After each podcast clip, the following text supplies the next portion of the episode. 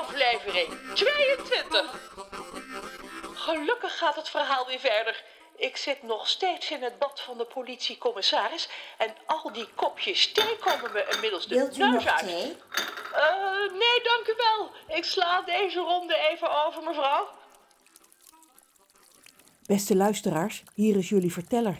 Ik zit nog steeds gevangen op Pedro's schip en het is dat Ron, Reus, Kraai en John onderweg zijn hier naartoe. Anders zou ik nu toch echt behoorlijk in pa... Verteller, ik hoor dat je verder gaat met dit verhaal. Kun jij me zeggen of die stomme reus en Ron en die brutale kraai en die oude prutkok hier al bijna zijn? Ik denk over een paar minuten. Oh, dan ga ik snel mijn haaibakker kussen. Hij heeft een week niet gegeten, dus hij heeft vast trek in reus, Ron en kraai. Alleen niet in John ben ik bang, want daar zit bijna geen vlees aan. Maar misschien kan hij hem gebruiken als tandenstoker. Dacht je dat je ze zomaar te pakken krijgt? Ze zijn slimmer dan je denkt, Pedro. Voor jou is het meneer Pedro, meneer Pedro de wonderpiraat, met je grote mond. Ik denk dat ik jou als toetje aan mijn gaai serveer, met slagroom op je neus, want daar is hij dol op. Nou, nou, nou, zo, zo kan hij wel weer. Pedro! Pedro! Kom eens even! Ik kom zo. Nee nu! Er staan allemaal mensen van de televisie op de kade. Wat? hè? Mensen van de televisie! Vind je het niet enig? Ik vind het geweldig. Als ik op de televisie kom, dan kan de hele wereld zien hoe knap ik ben. Oh, maar dan moet ik wel oefenen.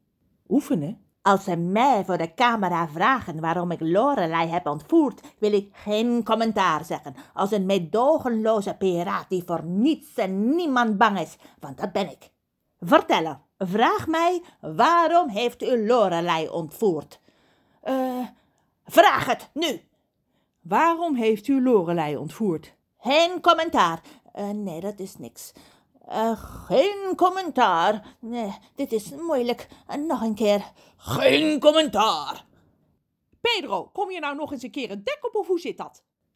Ik kom aan Lorelei. Geen commentaar. Geen commentaar. Zo, die is weg. En ik ga verder met het verhaal. De kade staat inderdaad vol televisieploegen en er komen ook politieauto's aangereden. In de voorste auto zitten de ouders van Ron. Als ze uitstappen doen ze dat met hangende schouders. Je kunt aan alles zien dat ze zich enorme zorgen maken om hun zoon. Het is inmiddels donker, maar de kade wordt verlicht door lampen die de tv-ploegen hebben neergezet. Naast de ouders van Ron staat een vrouw met kort blond haar in politieuniform. Ze zet een megafoon aan haar mond en roept: Ik ben Kelly Rust van de politie met een oproep aan de ontvoerder van Ron. Wij verzoeken u dringend om Ron vrij te laten. Ik herhaal, laat Ron onmiddellijk gaan.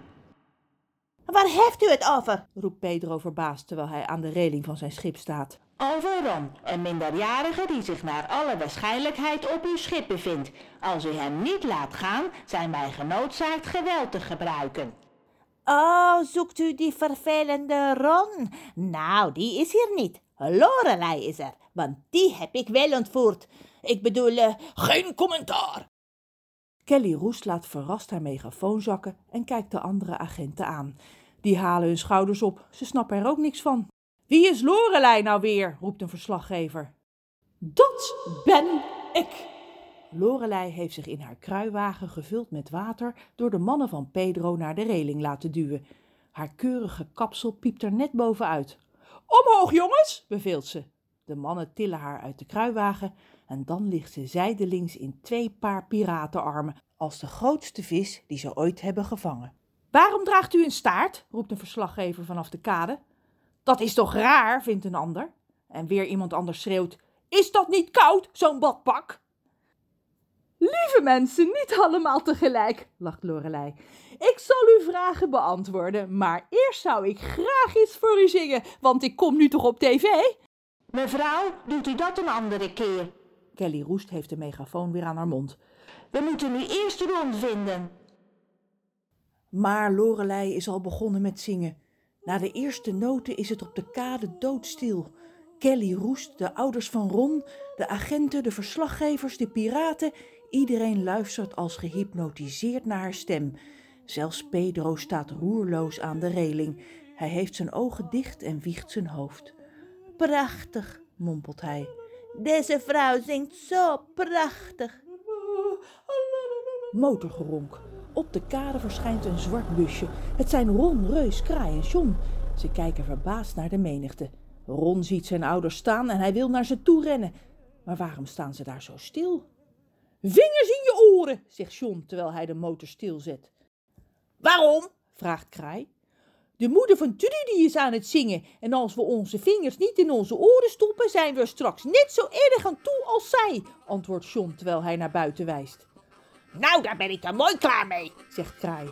Hoezo? Omdat ik geen vingers heb, idioot. Kan iemand me even oordoppen opsturen voor volgende week? En je zou ook kunnen laten weten wat je van deze podcast vindt via een rating in uh, iTunes of Spotify uh, of zoiets. Want we hebben altijd plek voor nog meer luisteraars. Dankjewel en tot snel! Ron Willem Tattoo is geschreven en geproduceerd door Margot de Graaf.